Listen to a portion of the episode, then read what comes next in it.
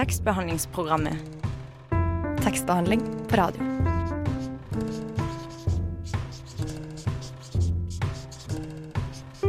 Tekstbehandlingsprogrammet.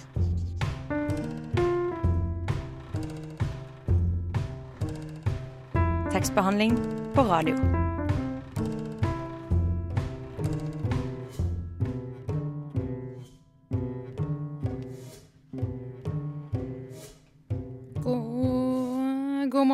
Velkommen til tekstbehandlingsprogrammet.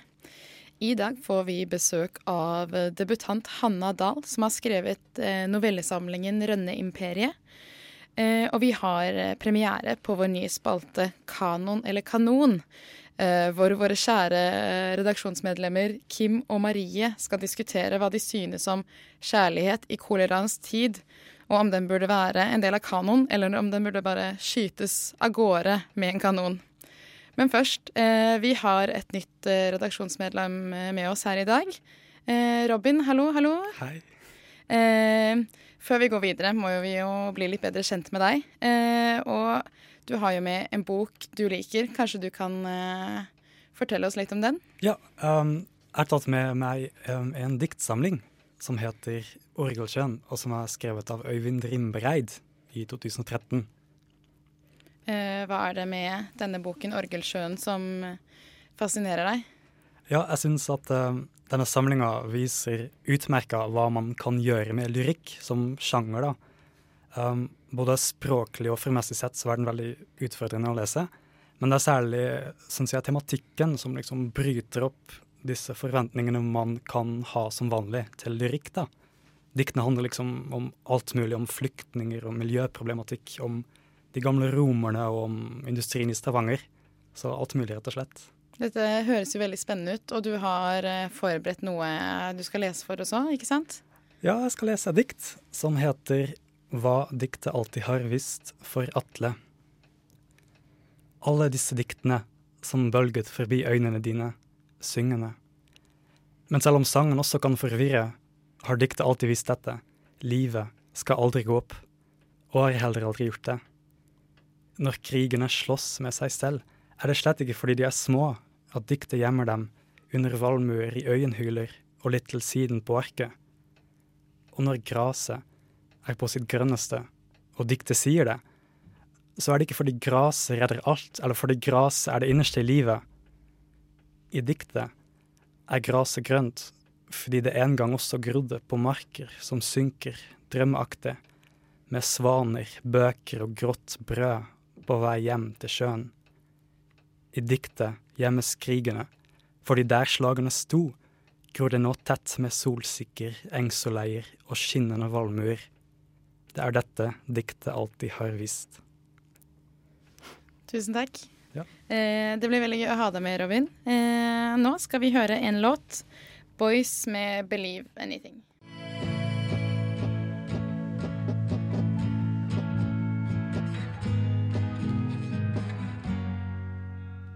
Der hørte du Boys med 'Believe Anything'. Vi har med oss eh, debutant Hanna Dahl her i studio i tekstbehandlingsprogrammet. Eh, og du har jo debutert med novellesamlingen 'Rønne-imperiet'. Kan du begynne med å bare fortelle oss litt om eh, denne novellesamlingen? Ja, det kan jeg. Det er en novellesamling eh, som har seks noveller. De er ganske forskjellige. Eh, forskjellige personer, forskjellige steder. Modum, eh, Sibir, eh, Kosovo. Det er vel eh, i hovedtrekk. Og så er det mm, Det har tatt litt tid å få den ferdig, men eh, det begynte med seks ulike tekster, og av de seks så er det tre som er igjen.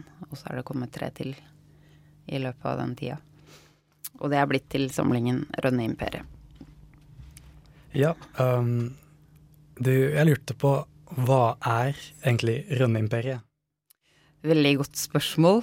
Det, det, først så var det bare et ord, jeg, eller en tittel på den ene novella som jeg syns passa veldig godt. Eh, det som ligger i det ordet, eller tittelen, eller Det er vel Det er en blanding av det litt storslagne og skrøpelige. Eh, og så er det samtidig noe med imperiet. Det som ligger i grensene ved imperiet, og at det er en sånn Det er noe Jeg liker det storslagne og skrøpelige. Um, disse seks uh, novellene, de har jo, som du sa, altså det er forskjellige historier. Og jeg tenker at det er ganske forskjellige hovedpersoner. Mm. Er dette for å skape en slags sånn bredde i forståelsen av uh, mennesker, eller forskjellige mennesker? Nei, det er egentlig ikke Det er nok ikke for å skape en bredde, men uh, de novellene har gjerne begynt med en, en setning som jeg har uh, fatta interesse for og syns har vært god. og i den setningen så har det gjerne ligget en sinnsstemning eller et dilemma. Og så har det, det har skrivingen vært en slags måte å finne ut hvem det er som kan utforske den sinnsstemningen, eller det dilemmaet, på best mulig måte. Mm, for jeg tenkte, da jeg leste uh, den første Mm. uh, Kall det Nei, Korsdrager. korsdrager. Beklager. Um, uh, jo, så er det jo sånn at Eller det er ikke alltid jeg er sikker på om hvilket Det gjelder egentlig flere av novellene, men jeg var ikke helt sikker på liksom hvilket kjønn det var og sånn. Var Ja. det sånn at du visste Visste du om det var en jente eller gutt eller mann eller kvinne da du begynte å skrive? Eh, nei, ikke alltid, men eh, ganske kjapt. Eh, ja, eh, ganske kjapt så eh, skjønte jeg det. Men, men jeg var ikke alltid sikker på om det var en jente eller gutt eller voksen eller liten. Men det, det tenker jeg er Det er vel noe av det jeg syns er bra med et visst spenn, at du får fram noe av det litt allmenne. eh, I den grad det blir troverdig, eh, eller er troverdig. Eh, jeg syns ofte ikke det er så stor forskjell på å være mann eller kvinne eller gammel eller ung. Så ja, så kanskje du har rett i at jeg vil lage, skape en forståelse for en bredde. Ja. Uten at jeg har prøvd på det. Ja, det er et Godt poeng. OK. Um, et til spørsmål om den første novella. Mm. Um, der skriver du også at språket kan være en fiende. Mm. Um, og jeg lurte på, merket du til dette sjøl da du skrev novellene? Eh, ja uh, jeg. Når jeg skriver eh, novellene, da er jo språket er jo litt eh, det eneste jeg har. Den beste vennen, eller eneste vennen jeg har. Men eh, det er litt fiendskap eh, der òg, for eh, det er en eh, det er ofte dårlige samtaler og pinlig stillhet og vet ikke hva jeg skal si, kanskje litt dårlig kjemi. Og så er det et eller annet med den dynamikken som ligger i språket. At når du straks du setter i gang, så, så kommer det et svar, og så kommer det en respons eller en reaksjon og en kommentar. Eh, så jeg syns språket kan være skummelt. Plutselig så sier du noe du ikke ønska å si. Og så får det en litt sånn Det er en litt sånn vilkårlighet i det som jeg syns er eh, litt ubehagelig. Men i, i novellene kan man si at språket Eller jeg vet ikke om det fungerer som en fiende, men språket er jo en slags eh, Det blir jo tatt opp på forskjellige måter Mm. i novellene, kan man si. Eller er det en fiende for noen av de, eller kan språket ses som et uh, rønneimperium? Ja, det tror jeg nok. Eh, der også er det litt det utilstrekkelige og samtidig storslagne som, eh, som går igjen. Det ene utdraget jeg tenkte å lese, det går på dette med fra den første novella, hvor eh, språket identifiseres eh, som eh, en slags krigskjeltring. Vi skal, eh, vi skal ha deg med videre, men først skal vi høre en eh, låt. eh, 'Suicide Boys' med 'Rain in Blood'.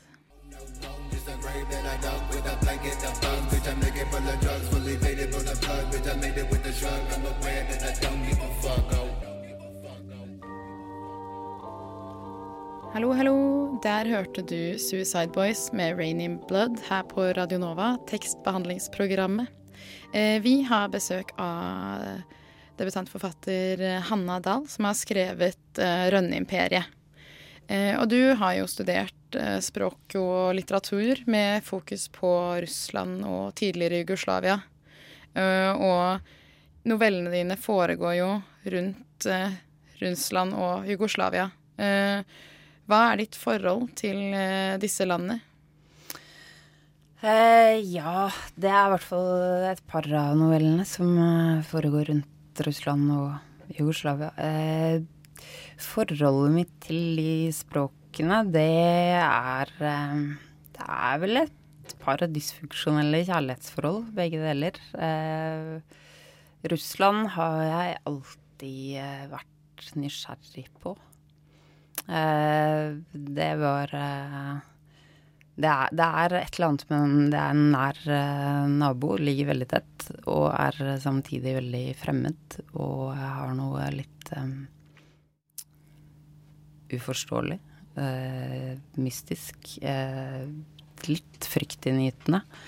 Og samtidig noe um, veldig uh, fascinerende over seg. Um, så jeg ville Jeg var veldig redd for Russland da jeg var liten. Og så leste jeg Sarens kurer, og så tenkte jeg at uh, til Irkutsk, dit skal jeg, og, og det språket vil jeg lære. Men er det Altså, kan du si er dette, Gjelder dette på en måte svaret ditt språkene eller landene, eller vil du på en måte gi to forskjellige svar til om hvilket forhold du har til eh, språkene eh, enn landene? Ja, eh, ja, det er vel kanskje litt eh, forskjellig. Eh, det er nok mest landene. Eh, språket, det um, visste jeg ikke så mye om før jeg begynte å lære det. Eh, det er ingen av dem.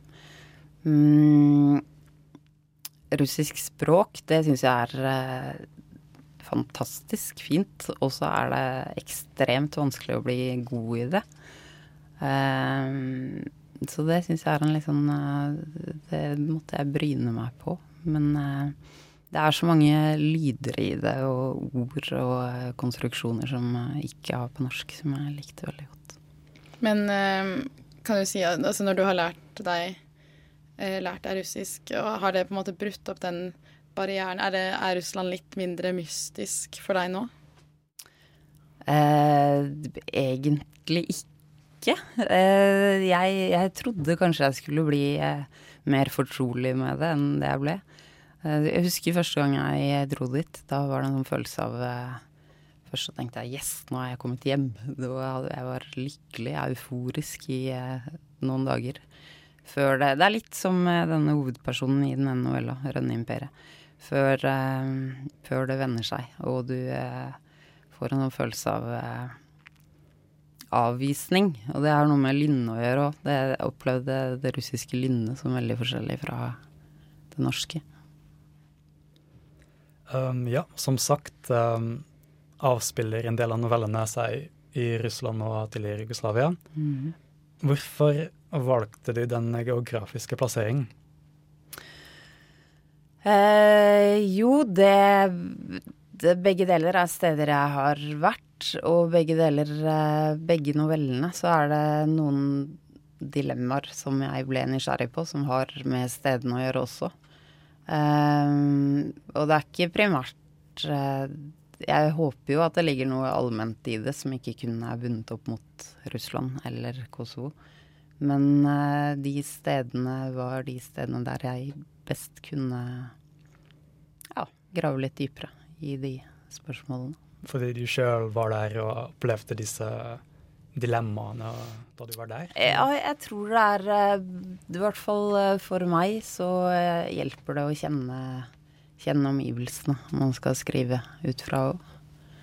Uh, ja, det er uh, nesten en forutsetning for meg.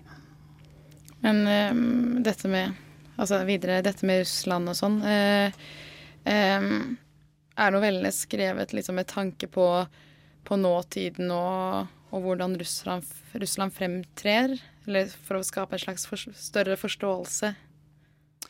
Det de er ikke skrevet som, eh, ikke skrevet som et uh, politisk innlegg, men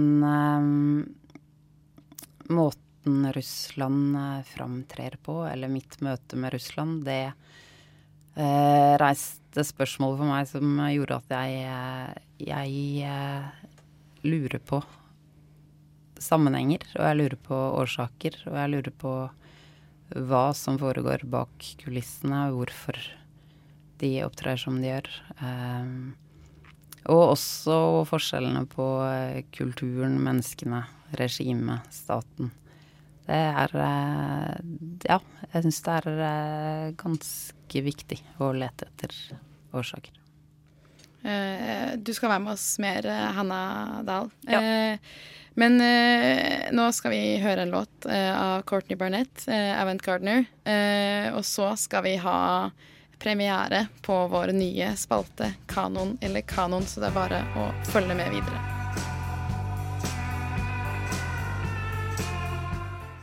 Har du noensinne forsøkt å jobbe deg gjennom en tung, tykk og støvete roman? Eh, man kan kalle det en klassiker.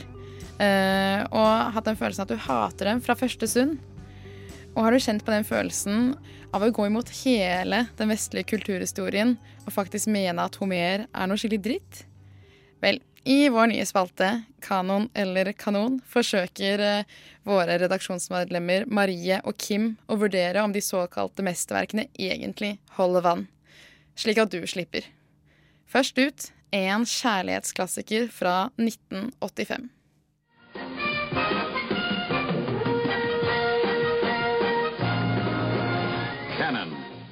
Kanon. Eller kanon. Dette er spalta. Vi utfordrer klassikere. Skal de beholde sin plass i kanon, eller skal de skytes til historiens skraphaug?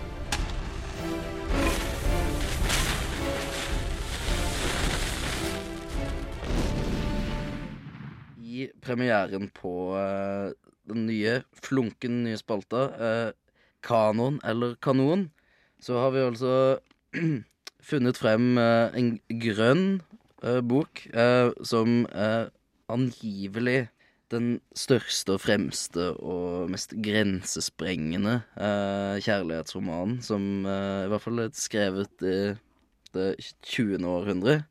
Um, ja uh, det, er ikke, det er jo ikke så lett å si at den egentlig er det. Nei, jeg, jeg Til å være liksom fremstilt som vår, en av vår tids mest romantiske fortellinger, så syns jeg denne er påfallende lite romantisk. Rett og slett. Og til tross for at den er eh, vanvittig sentimental mm. og søtladen, mm. så er den ikke romantisk. Dette er altså Gabriel Garcia Marquez, eh, en av, om ikke den største Eh, colombianske forfatteren eh, ja. som finnes. Eh. Og boken er altså 'Kjærlighet i koleraens tid'. Ja. ja. Veldig, veldig, veldig uinteressant.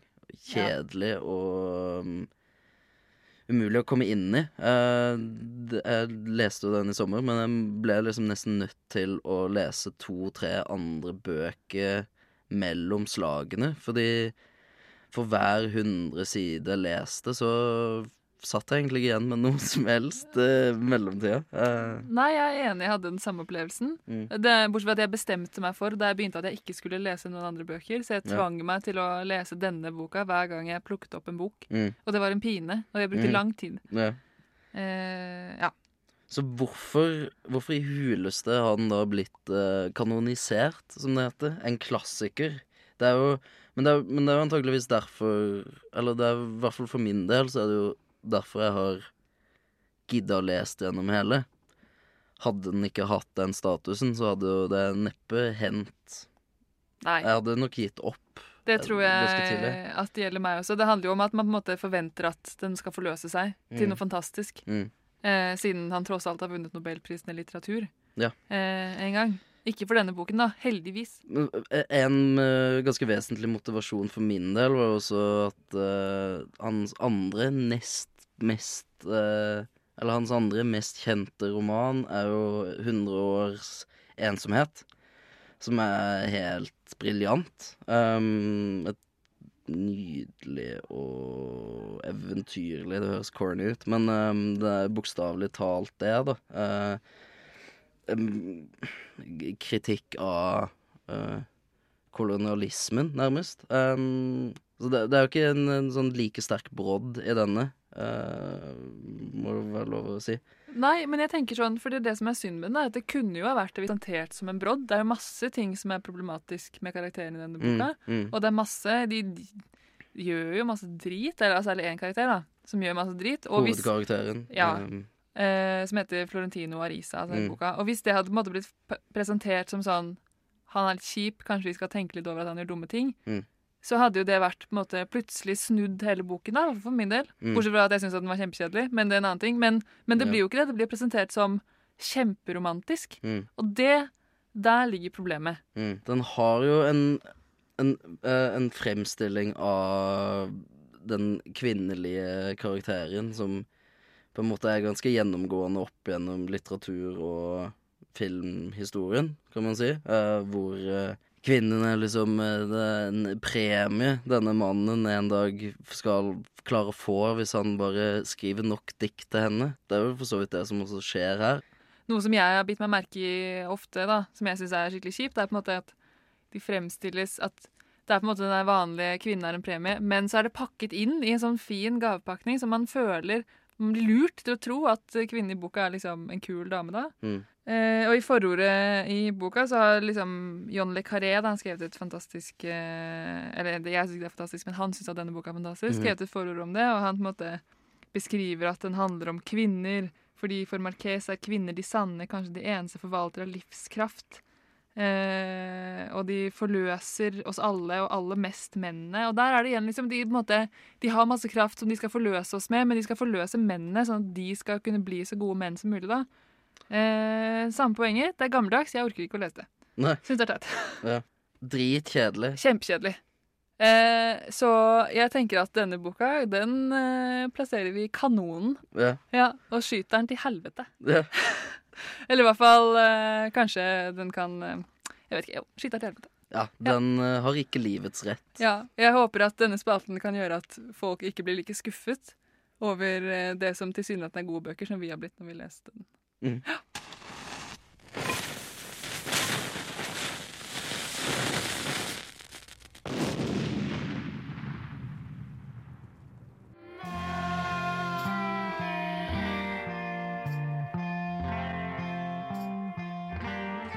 Det var Madrid-baserte Hins med låta 'Garden'. Eh, Hanna Dahl eh, er med oss her i tekstbehandlingsprogrammet. Hun har debutert med novellesamlingen 'Rønneimperiet'. Eh, og Hanna, du har boken klar, og du har kanskje har du lyst til å lese litt eh, for oss? Gjerne. Jeg vil lese litt fra den første novella, som heter 'Korsdrager'. Eh, jeg hopper rett inn. Den foregår i Kosovo.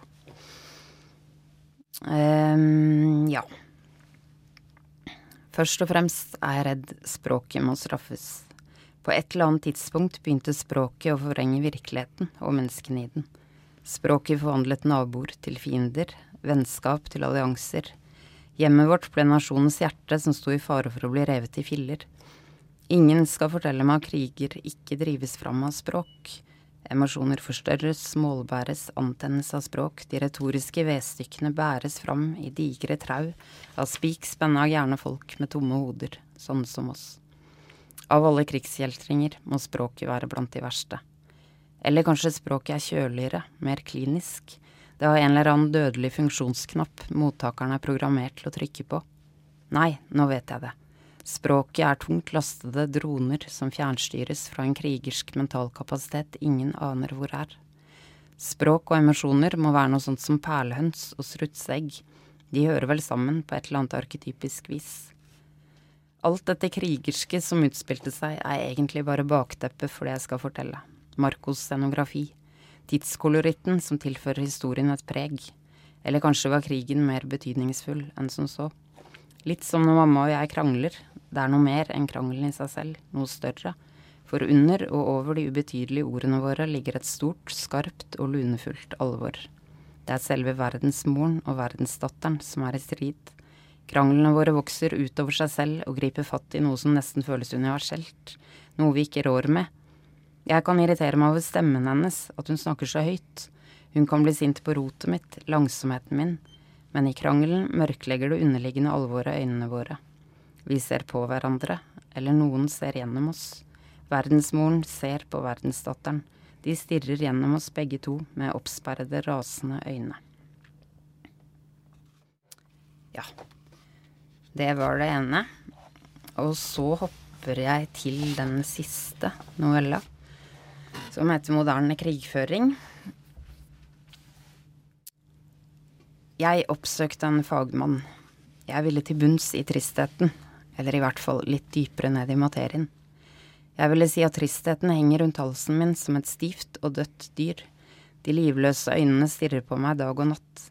Han viste meg til rette på en godt brukt divan før han fant frem skjermbildet av en ny journal. Etter å ha ført inn personalet satte han seg på skrå overfor meg. Jeg avventet situasjonen.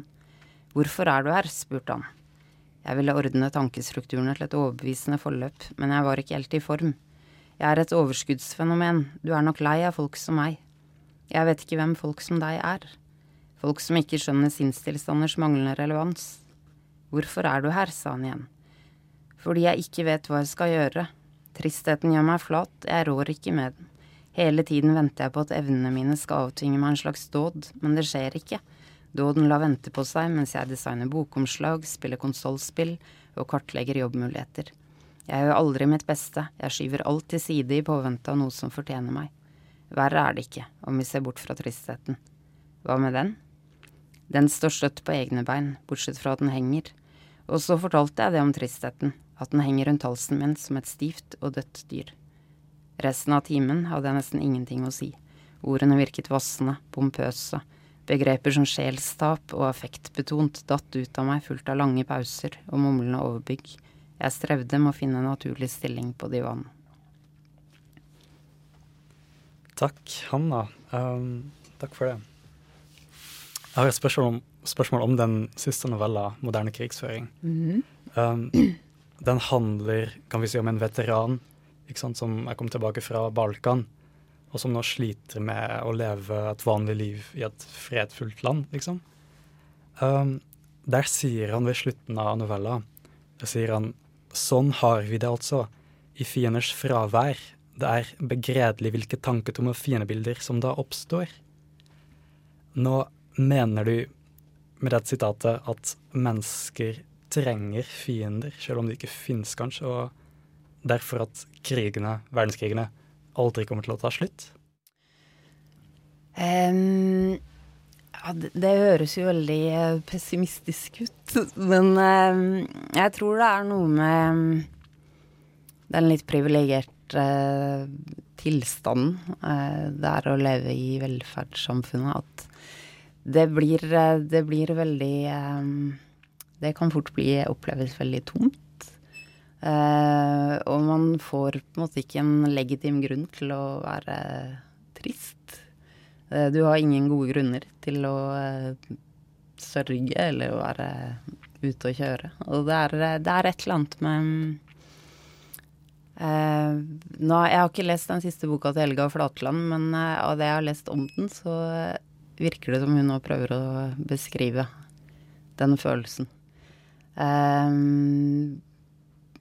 jeg tror det er også et eller annet med at når det utspiller seg såpass mange kriger og konflikter rundt oss, og vi sitter godt situerte og utkjemper daglige kamper, så blir det et litt stort spenn tidvis. Så det er kanskje mer en kommentar til, eller en kritikk til hvordan vi har det her i Norge, framfor en kommentar på krigene. Ja. ja. Mm. Det tror jeg. Ja. Vi skal snakke mer med deg, Hanna Dahl, men mm. nå skal vi høre Tor Torkelsen med låta 'Walter'.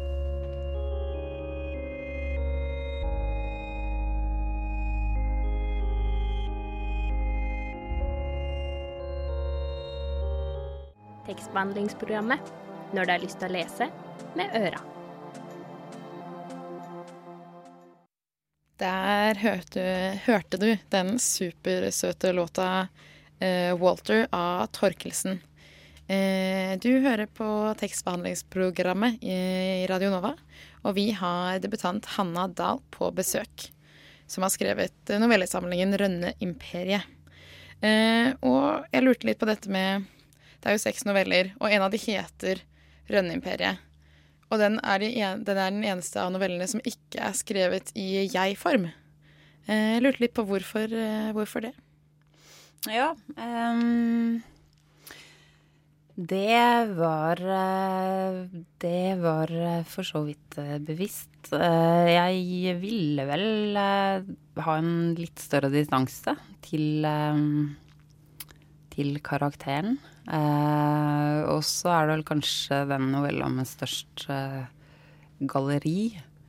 Eh, så da syns jeg det var fint å eh, se ja, den summen av personer eh, som eh, noe annet enn en jeg-stemme. At det ble mer et galleri enn en jeg-forteller. Jeg-fortelleren, da Det blir jo veldig sånn Kan bli nærere på et vis. Men eh, jeg ønska primært å skildre de ulike karakterene sett litt opp mot hverandre. Så, ja, for det er jo en hovedkarakter som er Ja. kvinne, og hun eh, Ja, så det er på en måte det er, ikke det, det er ikke hun som tenker disse tingene, de er litt mer sånn Eller de forskjellige forklaringene av forskjellige mennesker. Ja. Er det litt mer sånn objektivt? Eh, ja, det var, var kanskje det jeg prøvde, eller ville få fram med å eh, gjøre den til en hund. Men eh, det, ja, det jeg tenkte på da jeg skrev nå, det kan jo fort bli litt forvirrende òg. Det blir litt mange hund og han og hun. Men jeg ville ha en litt større distanse og se henne som en del av en eh, krets. Eller ikke en del av en krets, men en eh, nordmann som besøker en russisk krets. Eh, og så tilbake med disse seks eh, Det er jo seks noveller, Mhm. eh, og Rønnimperiet er jo en av dem. Men eh, disse eh, seks novellene tok det jo seks år å skrive, var det ikke sånn? Ja, faktisk. Det har jeg ikke tenkt på før. Ja. Eh, hvordan, kan du fortelle litt om denne prosessen med å jobbe med noe så lenge? Eh, ja, det, Jeg sendte først inn eh, seks tekstprøver. Eh, og så eh, ble jeg bedt om å komme på et møte. Um, og bedt om å skrive de ferdig. Og så tok det seks år. Eh, det var Det tok litt tid å rydde opp i de forskjellige stemmene. Eh, tre av de ble forsvant, som jeg sa i starten, og så kom det tre nye til underveis. Så jeg, jeg brukte lang tid, rett og slett. Selv om det er en eh, liten bok. Mm, men jeg liker det med novellene, at du kan uh, fordype deg uh, i uh, veldig ulike karakterer, sinnsstemninger. Gå litt inn og ut av det. Og jeg jobber i hvert fall parallelt med flere. Og så går jeg litt inn og ut av sinnsstemningene selv òg.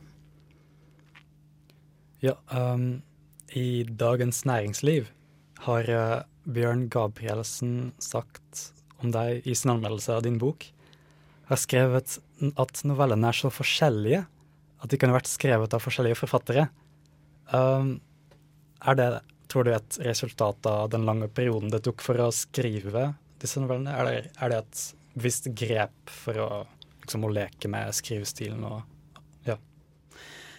Eh, det er ikke et bevisst grep, men eh, det er vel kanskje sånn det har blitt når jeg har forfulgt litt de ulike sinnsstemningene. Og eh, ja.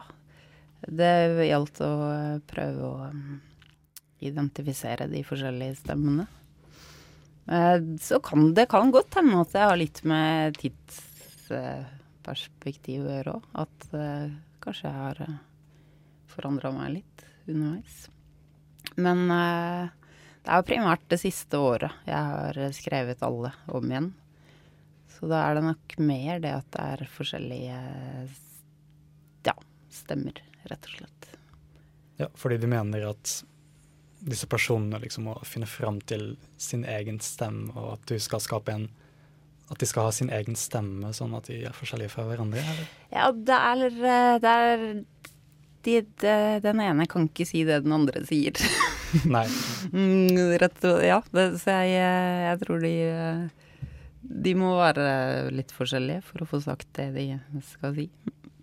Men var det, var det noe du på en måte visste i for noen år siden, da? At de på en måte skulle bli så forskjellige, eller eh, Altså at disse karakterene har du på en måte Ja, at visste du at det skulle bli så forskjellige, har du på en måte blitt kjent med de? Skjønner hva jeg mener? Ja, det, nei, jeg visste, jeg visste jo ikke hvordan de skulle bli. Den uh, sauemorderen, jegeren, han, uh, han visste jeg virkelig ikke hvordan det skulle bli. Der begynte det med en, eh, en følelse av eh, Det var ja, rett og slett en følelse av å være Føle deg forfulgt og jaget av folk rundt deg, og eh, ikke ikke klare å hamle opp med det. Og så eh, lengta han etter ville dyr og folk, og så ble det til en slags sånn eh, blanding av et eh, prosjekt der han eh, han eh, ville verge det ville. Verge naturen.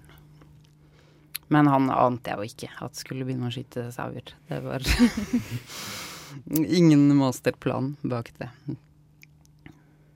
Visste ikke han heller, tror jeg. Ja. Um, vi har allerede snakket litt om språk tidligere i sendinga.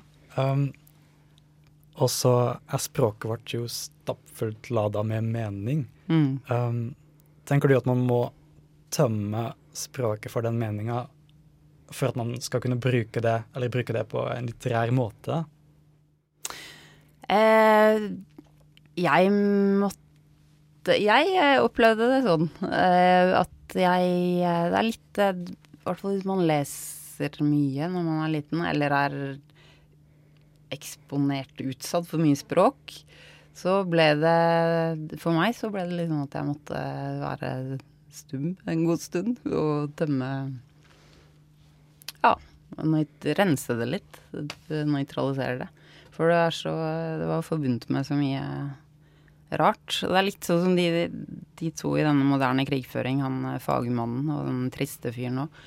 De, de finner jo virkelig ikke ut av det. Og de, eh, han klarer ikke å snakke om hvordan han har det uten å ty til sånne lada begreper som egentlig ikke sier, eh, sier så veldig mye. Eh, og så er han liksom fanga av eh, meningslada ord og uttrykk som ikke egentlig beskriver så mye. Denne timen har nesten eh, rent, rent ut for oss, eh, så vi må nesten si takk for, eh, takk for at du kunne komme hit i tekstbehandlingsprogrammet og hilse på oss, Hanna Dahl, med, den, altså med novellesamlingen din, 'Rønne-imperiet'. Tusen takk for at du kunne komme. Selv takk. Vi skal høre Gold Celeste, 'Open Your Eyes', før vi forsvinner helt.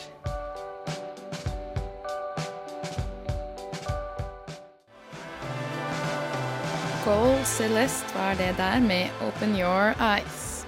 Vi er ferdig her i tekstbehandlingsprogrammet for i dag. Eh, så nå kan du puste lettet ut, Robin. Gratulerer med overstått første Takk. sending.